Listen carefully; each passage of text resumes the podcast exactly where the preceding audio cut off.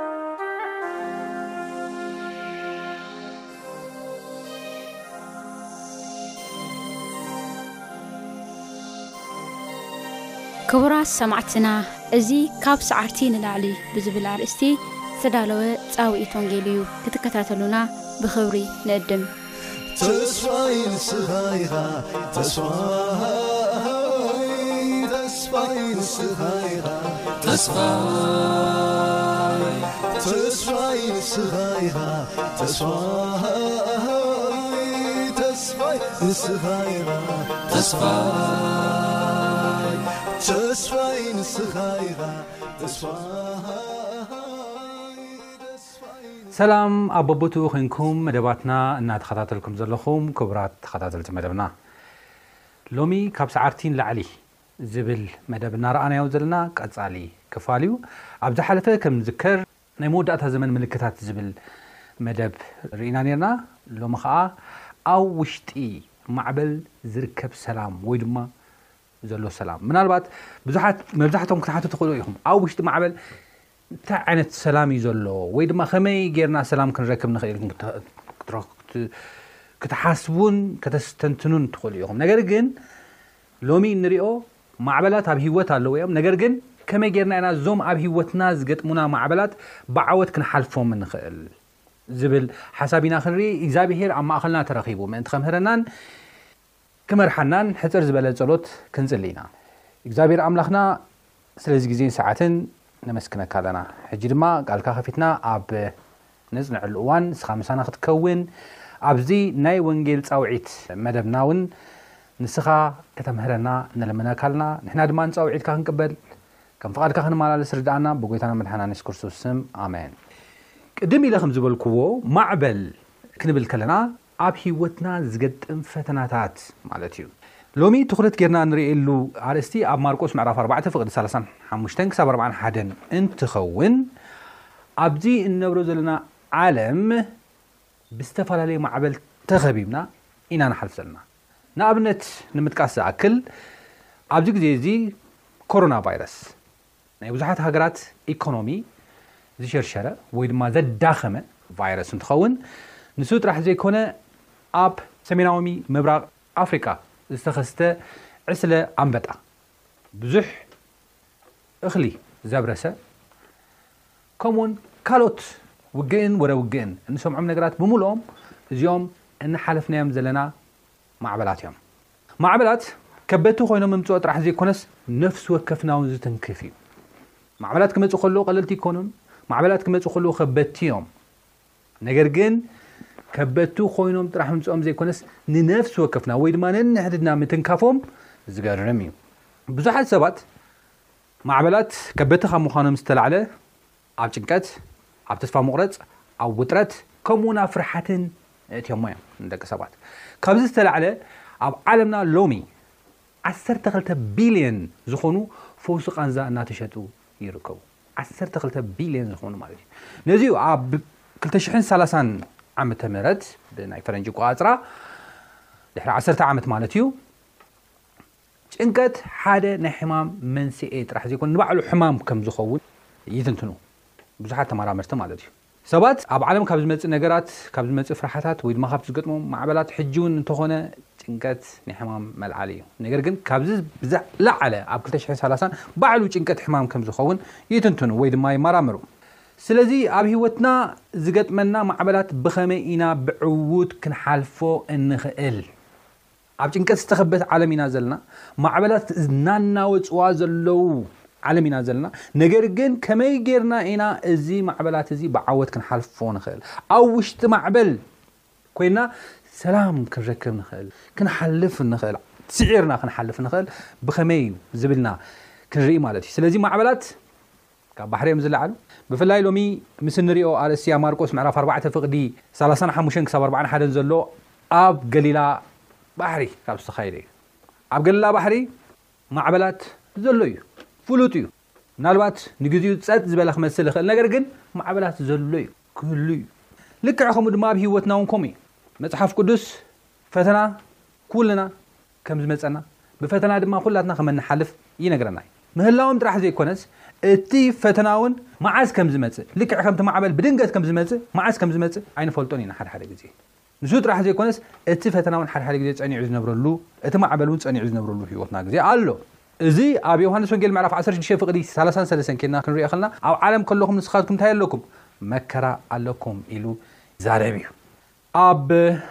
ቁጽሪ ሳልሳን ሸውዓተን ኬድና ኣብ ንርእየሉ እዋን ኣብ ደቀ መዛሙርቱ ካብቲ ቀላይ ማዕበል ክመጽእ እዩ ኢሉ ማንም ዝገመተ ኣይነበረን ምኽንያቱ ክኸዱ ከለዉ ንሳገር ኢሉ የሱስ ክርስቶስ ክዛረቦም ከሎ ኩሉ ጸጥ ዝበለ ርግእ ዝበለ ሰላም ዝሰፈኖ ቦታ እዩ ነይሩ ነገር ግን ኣብ ቁጽሪ ሳልሳን ሸውዓተን ኬድና ኣብ ንርእየሉ እዋን ሆብላን ብርቱዕ ንፋስን ድማ ኾነ ይብለና ኣብ ጸጥታ ዝነበረሉ ግዜ ብድንገት ሆብላ ክመጽእ ከሎ ኢና ንርኢ ማለት እዩ እዚ ሆብላ እዚ ወይ ድማ እዚ ማዕበል እዚ ወይ ድማ ኣብ ህይወትና ዝመጽእ ፈተናታት ሓደ ሓደ ግዜ ባዕልና እነምጽኦም ማዕበላት ክኾኑ ይኽእሉ እዮም። ባዕልና እነምጽኦም ጸገማት ክኾኑ ይኽእሉ እዮም ኣብ ህይወትና እነምጽኦም ጸገማት። ንኣብነት ሰብ ናይ እግዚኣብሔር ሕጊ ጥሒሱ ብገዛእ መንገዲ ኣብ ዝኸደሉ እዋን ማለት ናይ ጥዕና ሕጊ ሓደ ሰብ ኣብ ዘፍርሰሉ እዋን መስተ ብሰትየሉ እዋን ሽጋራ ብሰትየሉ እዋን ንጥዕንኡ ዝገድኡ ነገራት ኣብ ዝወስደሉ እዋን ሓደ ሰብ ማዕበላት ኣብ ርእሱ ወይ ድማ ፈተና ኣብ ርእሱ ከምጽእ ከሎ ኢና ንርኢ ኣብ ሆሴ ምዕራፍ ሸሞንተ ፍቕዲ ሸውዓተ ከይድና ክንርኢ ከለና ብዛዕባ እስራኤላውያን ኢና ንርኢ እስራኤላውያን እግዚኣብሄር ንክእዘዙ በቲ መንገዱ ክኸዱ በቲ መንገዱ ኣብ ዝኸድሉ እዋን ድማ ከም ዝባረኹ ነጊርዎም ነይሩ እዩ ኮይኑ ግን በቲ መንገዱ ካብ ምኻድ ብገዛእ መንገዶም ምኻድ ስለ ዝመረፁ፣ ዓመፅ ስለ ዝመረፁ፣ ክፍኣት ስለ ዝመረፁ እቲ ዝዓፀድዎ ነገር እንታይ ምዃኑ እዩ ዝነግረና ሆሴእ ምዕራፍ ሸሞንተ ፍቕዲ ሸውዓተ ግን ምስዚ ሓሳብ ዝገለፅክዎ እቲ ከይዲ ሓንቲ ጥቕሲ ኣላ ሆሴእ ምዕራፍ ሸሞንተ ፍቕዲ ሸውዓተ ከምዚ ይብል ንፋስ ይዘርኡ ኣለዉ ይብል እቲ ቃል ኣምላኽ እዞም ሰባት እዚኦም ዘይምእዛዝ ይዘርኡ ኣለዉ ዓመፅ ይዘርኡ ኣለዉ ክፍኣት ይዘርኡ ኣለዉ ናይ ጥዕና ሕጊ ጥሒሶም ይኸዱ ኣለዉ፣ ካልኦት ካልኦት ሕግታት ናይ እግዚኣብሄር እውን ጥሒሶም ይኸዱ ኣለዉ፣ ነገር ግን ንፋስ ምዝርኦም ከንቱ ኣይኮነን፣ ሆቦብላ ድማ ኸዓ ኣጽዲኦም ይብለና መጽሓፍ ቅዱስ። ስለዚ ሓደ ሓደ ማዕበላት ባዕልና እነምጽኦም ባዕልና ዘሪና ባዕልና እነምጽኦም ነገራት ኣለዉ እዩ። እዚ ተመሳሳሊ ጥቕሲ ኣብ ገላትያ ምዕራፍ ሽዱሽተ ፍቕሪ ሸውዓተ እውን እንረኽቦ ነገር እዩ። ሰብ ዝዘርኦ እዩ ዝዓጽድ ይብለና። ሰብ ዝዘርኦ እዩ ዝዓጽድ። ስለዚ ጽቡቕ እንተ ደኣ ዘሪእና ጽቡቕ እንተ ደኣ ጌርና፣ ጽቡቕ ዝኾነ ህይወት ክንረክብ ንኽእል ኢና። ሰናይ ዝኾነ ነገር ክንዓጽድ ንኽእል ኢና። ሓደ ሓደ ማዕበላት ግን ካብዚ ወጻኢ እዩ። ንሱ ድማ እንታይ እዩ? ንእግዚኣብሄር ብምክታልና ጥራሕ፣ ሰናይ ብምግባርና ጥራሕ ዝበጽሐና ፈተናታት እውን ክህሉ ይኽእል እዩ ኣብ ህይወትና። ናይ ክርስቶስ ደቀ መዛሙርቲ ንክርስቶስ ብምእማኖምን እቲ ናይ ክርስቶስ ሚሽን ወይ ድማ ተልእኾ ብምፍፃሞምን ጥራሕ ይስደዱን መከራ ይበፅሖምን ይእሰሩን ነይሮም እዮም። እዚ ባዕሎም ዘምፅእዎ ማዕበል ዘይኮነስ ክርስቶስ ብምእማኖም ዝመፀ ማዕበላት እዩ ማለት እዩ። ምልስ ኢልና ኣብ ማርቆስ ኣብቲ ሒዝናዮ ዘለና ጥቕሲ ኬድና ክንርእ ከለና ማርቆስ ምዕራፍ ኣርባዕተ ፍቕዲ ሰላሳን ሓሙሽተን ኢየሱስ ክርስቶስ ዝተዛረቦ ናይ መጀመርያ ሓሳብ ኢና ንርኢ እንታይ እዩ ዝብል በታ መዓልቲ እቲኣ ምድሪ ምስ መሴ ናብ ማዕዶ ንሳገር በሎም ናብ ማዕዶ ንሳገር በሎም እዚ ቃል እዚ ክንርኢ ከለና ኢየሱስ ክርስቶስ ክእዝዞም ከሎ ኢና ንርኢ እዞም ሰባት እዚኦም ከኣ ተኣዚዞም ነቲ ህዝቢ ኣፋንዮም ብጀልባ ክወስድዎ ክሳገሩ ከም ተላዕሉ ኢና ንርኢ። ስለዚ እዚ ዘርእየና ነገር እንታይ እዩ? ብዙሕ ግዜ ክርስትያናት ብምዃንና ወይ ድማ ናይ ክርስቶስ ብምዃንና ክርስቶስ ከም ግሊ መድሓንና ጌርና ብምቕባልና ፈተና ኣይገጥመናን እዩ፣ ኩሉ ሰናይ እዩ፣ ምንም ጸገም የለን ዝብል ኣተሓሳስባ ንሓስብ። ንኽእል ኢና። ብዙሓት ዝሓስቡ ሰባት ኣለዉ። ብዙሓት እዚ ትምህርቲ እዚ ዘምህሩ ኣለዉ። ክርስቶስ ተተቐቢልካ ክትባረኽ ኢኻ፣ ክርስቶስ ተተቐቢልካ ክትፍወስ ኢኻ፣ ክርስቶስ ተተቐቢልካ ኩሉ ክመልኣልካ እዩ ዝብሉ ነገራት ኣለዉ። ነገር ግን ኣብዚ ዓለም እዚ ክንነብር ከለና ቅድም ኢለ ዝጠቐስክዎ ጥቕሲ እውን ኣሎ። ኣብ ዮሃንስ ወንጌል ምዕራፍ ዓሰርተ ሽዱሽተ ፍቕዲ ሰላሳን ሰለስተን ኣብ ዓለም ከለኹም መከራ ኣለኩም ኢሉ ኢየሱስ ክርስቶስ ተዛሪቡ እዩ። ስለዚ ሕጂ እውን እዞም ደቀ መዛሙርቲ ክንርኢ ከለና ብክርስቶስ ኣሚኖም እቲ የሱስ ክርስቶስ ዝበሎም ነገር ገይሮም እዮም እቲ ማዕበል እቲ ገጢሞም ስለዚ ማንም ሰብ ክርስቶስ ተቐቢሉ ምንም ፈተና ኣይገጥመንን እዩ ዝብል ሓሳብ መፅሓፍ ቅዱስ ኣያምህርን እዩ ፈተና ኣሎ እዩ ፈተና ኣሎ እዩ ዕንቅፋታት ኣሎ እዩ ማዕበል ኣሎ እዩ ክመፃና ይኽእል እዩ ነገር ግን እቲ ዓብዪ መረጋገፂ ኣብዚ ንርእየሉ ነገር እንታይ እዩ? ናብ ማዕዶ ንሳገር ዝብል ቃል እዩ። ከም እንሳገር ግን ርግፀኛታት ኢና። ማዕበል እኳ እንተሃለወ፣ ፈተናታት እኳ እንተሃለወ ከም እንሳገር ግና ርግፀኛታት ኢና። እቲ ዓብዪ ጎይታ፣ እቲ ዓብዪ ንጉስ፣ ሰማይን ምድርን ዝፈጠረ ኩሉ ዝመልኣሉ ጎይታ ከም ዘሳግረና ግና ንፈልጥ ኢና። እዚ እዩ እቲ ተስፋና እምበር ብዘይ ፈተና ክንከይድ ኢና ዝብል መጽሓፍ ቅዱሳዊ ትምህርቲ ኣይኮነን። ብምቕጻል ኣብ ቁጽሪ ሳልሳን ሽዱሽተን ኬድና ኣብ ንርእየሉ እዋን እንታይ እዩ ዝብለና? ነቶም ህዝቢ ኣፋንዮም ድማ ንእኡ ከምታ ዘሎዋ ምሳታቶም ብጀልባ ወሰድዎ፣ ካልኦት ጀላቡ ከኣ ምስኡ ነበራ ይብለና። ሆቦብላን ብርቱዕ ንፋስን ድማ ኾነ። ሆቦብላን ብርቱዕ ንፋስን ከኣ ኾነ። እታ ጃልባ ከኣ ክሳዕ እትመልእ ማዕበል ናብታ ጃልባ ኣተወ። እወ፣ ቅድም ኢለ ከም ተዛረብክዎ፣ ሆቦብላ ድንገተኛ እየ፣ ኣብ ጸጥ ዝበለ ማንም ክመጽእ ኢሉ ኣብ ዘይገመቶ ነገር እዩ ብድንገት ዝመጽእ ፈተናታት ኣብ ሂወትና እዚ እዩ ዝመጽእ ካብዚ ብተወሳኺ ድማ ማዓዝ ከም ዝመጽእ ውን ኣይፍለጥን እዩ ነገር ግን ከም ዝመጽእ ከኣ ፍሉጥ እዩ ስለዚ ናይ ማዕበል ነገር ኣብ ውሽጢ ደቂ ሰባት ምርባሽን ጭንቀትን ዓብዪ ፀገምን ከም ዝፈጥር ድማ ፍሉጥ እዩ። ነዞም ሰባት እዚኦም እዚ ማዕበል ኣብ ዝመፅኣሉ እዋን ጭንቀት እዩ ፈጢርሎም፣ ፍርሓት እዩ ፈጢርሎም፣ ተስፋ ምቑራፅ እዩ ፈጢርሎም ኣብ ውሽጦም። ስለዚ ማዕበላት ክመፅእ ከሎ ብዙሕ ግዜ ፀገማት ኣብ ህይወትና ከም ዝፈጥር እዩ ዘርእየና ማለት እዩ። ህቦብላ ብርቱዕ ንፋስ ድማ ኾነ። ናይ የሱስ ክርስቶስ ትእዛዝ ተኣዚዞም ንዝኸዱ ሰባት ንኼጠፍእ እቲ ማዕበል ከም ዝመጸ ኢና ንርኢ።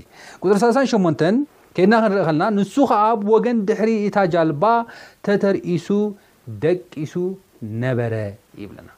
ተተርኢሱ ደቂሱ ነበረ። ኣተንሲኦም ድማ፣ መምህር፣ ክንጠፍእዶ ግድና የብልካን እዩ በልዎ። እዚ ክብልዎ ከለዉ ንየሱስ ክርስቶስ እዞም ደቀ መዛሙርቱ ሕቶ ይኰኑ ዝሓትዎ ነይሮም። እናለመንዎ ይኮኑን ዘለዉ የሱስ ክርስቶስ እዚ ኩሉ ክኸውን ከሎ ተዘርእሱ ደቂሱ እዩ ነይሩ የሱስ ክርስቶስ ዓሪፉ እዩ ነይሩ የሱስ ክርስቶስ ነገር ግን ንሶም እተዛረብዎ ነገር ተሃልዩ እንታይ እዩ ኣተንስዮም ድማ መምህር ክንጠፍእ ዶ ግዲ የብልካን ግዲ ዶ የብልካን እዩ ንጠፍእ እኳ ኢና ዘለና ማይ እኮ ኣትዩ ዘሎ ኢሎም ክነቕፍዎ ከሎ ኢና ንርኢ ነቐፌታ ከብጽሕዎ ከሎ ኢና ንርኢ። እዞም ሰባት ጥራሕ ኣይኮኑን ኣብዚ ግዜ እዚ ዝነቐፍዎ። ሎሚ እውን ነፍሲ ወከፍና ድንገተኛ ዝኾነ ማዕበል ኣብ ህይወትና ክመጽእ ከሎ፣ ሕማም ክመጽእ ከሎ፣ ፈተና ክመጽእ ከሎ ኣብ ህይወትና ልክዕ ከምዞም ደቀ መዛሙርቲ ንእግዚኣብሄር ንነቕፎም ኢና። እንታይ ስለ ዝገበርኩ? ንምንታይ እዚ ጌርካለይ? ንምንታይ ከዚ ፈተና ኣምጺኻለይ? ኣነ ንዓኻ ዶ ኣይተኣዘዝኩን እየ? ኢልና ብዙሓት ነግረምርመሉ ግዜ ኣሎ እዩ ወይ ድማ ንእግዚኣብሔር ኣምላኽና እንነቕፈሉ ግዜ ሒደት ኣይኮነን ኣብ መጽሓፍ ቅዱስ እውን እንተረኣና ናይ እስራኤላውያን ታሪክ ካብ እስራኤላውያን ታሪክ ጀሚርና ክንመጽእ ከለና ብዙሓት ፈተና ክበፅሖም ከሎ ኣብቲ ምድረ በዳታት ማዕበል ክበፅሖም ከሎ ዝተፈላለዩ ፀገማት ክበፅሖም ከሎ ነቲ ዘውፅኦም ካብ ባርነት ካብቲ ከቢድ ህይወት ዘናገፎም ጎይታ እዮም ዝነቕፍዎ ነይሮም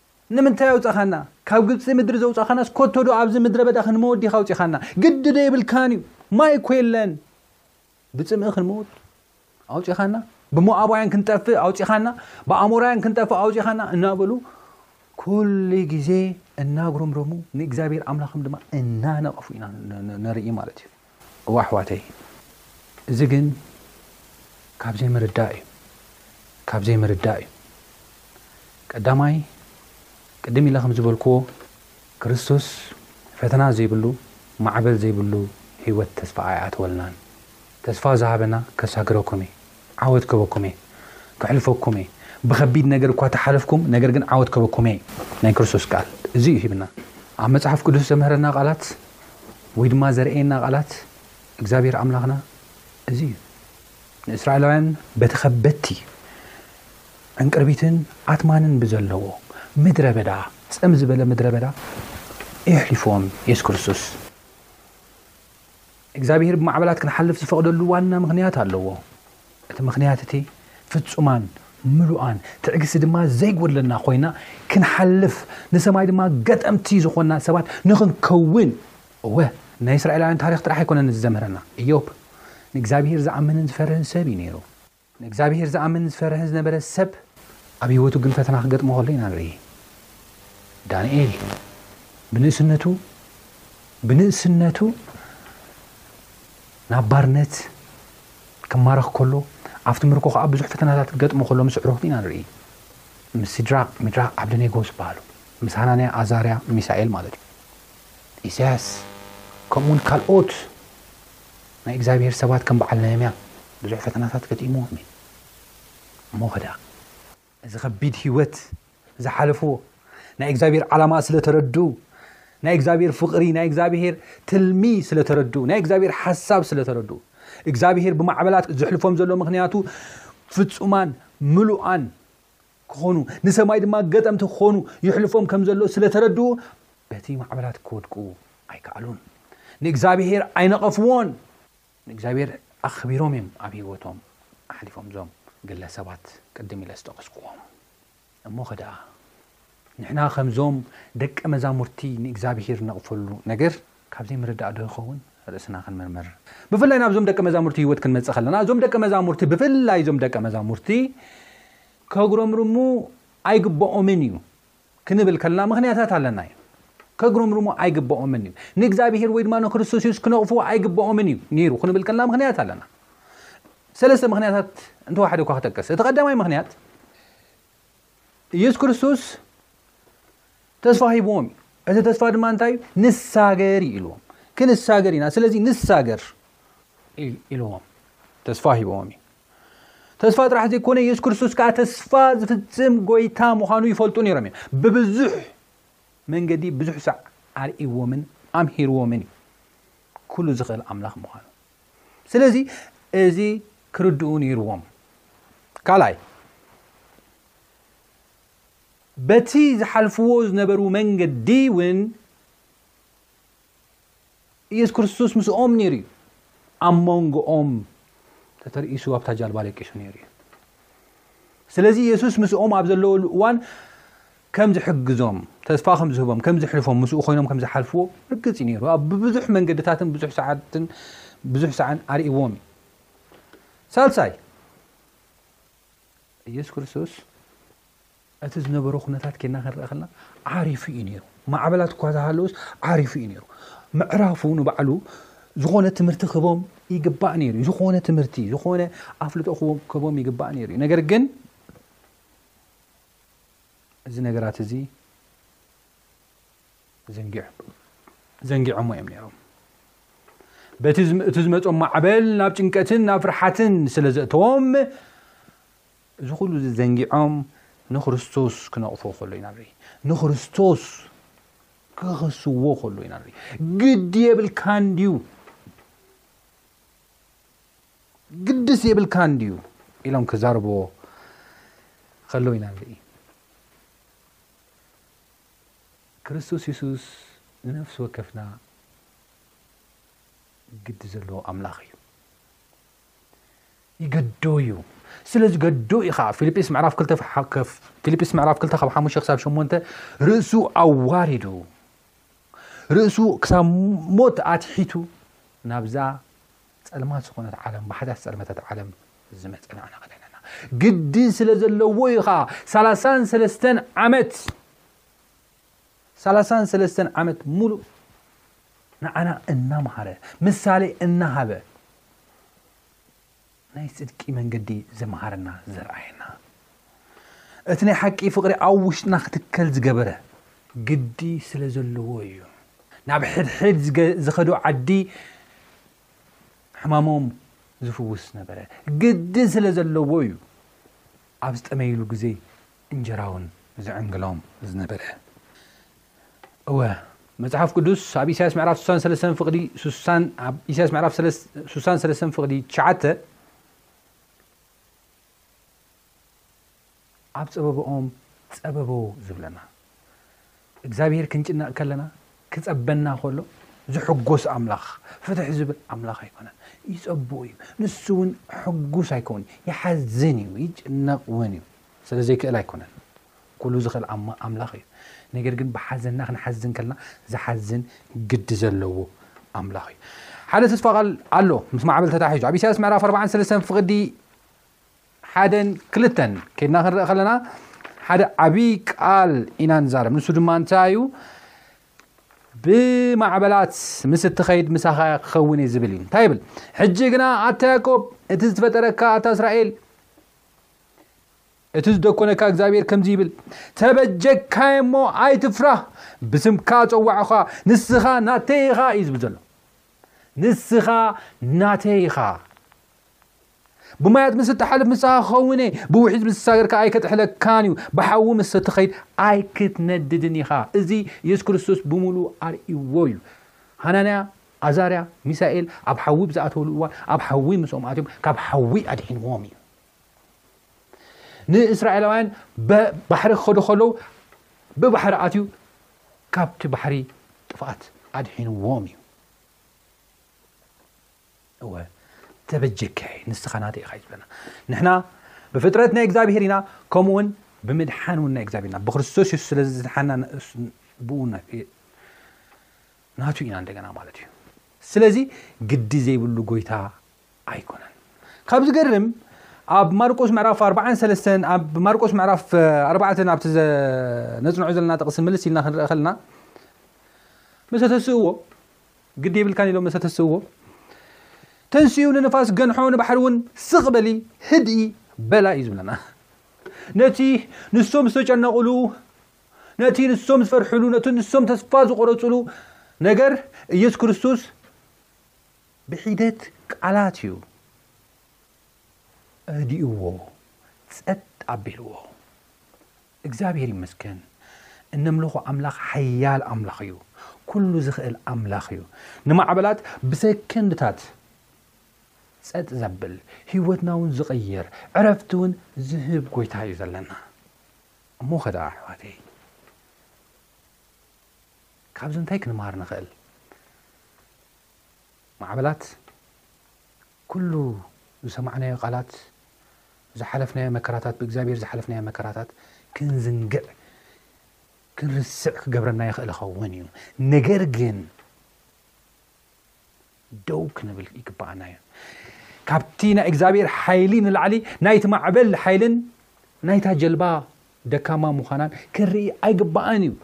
ነገር ግን ደው ኢልና ካብቲ ማዕበል ንላዕሊ ሓይሊ ዘለዎ ካብታ ጀልባኣ ደካማ ዝኾነት ጀልባ ንላዕሊ ሓይሊ ዘለዎ ጎይታ ክንርኢ ይግብኣና እዩ ክንርበሽ ተስፋ ውን ክንቆርፅ ኣይግብኣናን እቲ ተስፋ ዝሃበ ዝፍፅም ኣምላኽ ምዃኑ ክንርኢ ይግብኣና እዩ ክርስቶስ ደድሕሪኡ ተሲኡ ዝበሎም ነገር እዚ እዩ ኣዝዮም ፈርሁ ንንሕዶም ድማ እዚ ንፋስን ባሕርን ዝእዘዝሉስ መን ኮን እዩ ኢሎም ክዛረቡ ከሎ ኢና ንርኢ እዚ ንፋስን ባሕርን ዝእዘዝሉ መን እዩ እወ ክርስቶስ እዩ ዓቢ ጎይታ ሰማይን ምድርን ዝፈጠረ ሰሌና ኢሉ እውን ኣብ መስቀል እተሰቕለ ኩሉ ዝኽእል ኩሉ ዝፈልጥ ኣብ ኩሉ ብሓንሳብ እውን ዝነብር ጎይታ እዩ ዘፍቅር ጐይታ እዩ። ስለዚ ኢየሱስ ክርስቶስ ከምቲ ዝበሎ ስለምንታይ እዩ ከም ዝፈራህኹም ከመይከ እምነት የብልኩምን ከም ዝበሎ ክንኣምን ደው ክንብል ክንጸንዕ ብእምነት ድማ ስዒርና ክንወጽእ ማዕበላት እዩ ዝደሊ እዚ ክንገብር እግዚኣብሔር ጸጉ የብዝሓልና ኣብ ዝቕጽል ብኻልእ ክሳብ ንራኸብ ሰላም ኩኑ እግዚኣብሔር ግን እዚ ምእንቲ ክረድኣና ሕጽር ዝበለ ጸሎት ክጽሊ እየ ንጸሊ እግዚኣብሔር ኣምላኽ ስለዚ ግዜን ሰዓትን ነመስግነካ። ሕጂ ድማ ቃልካ ከፊትና ከም ተመሃርናዮ ኩሉ ክንነብር ጸጋ ከተብዝሓልና ንልምን። እዚ ጻውዒት እዚ ድማ ንዓና ብጽንዓት ክንነብር ደው ክንብል ክንእመን ዝጽውዕ ቃል እዩሞ እዚ ክንገብር ርድኣና ብጎይታናን መድሓናን የሱስ ክርስቶስ ስም።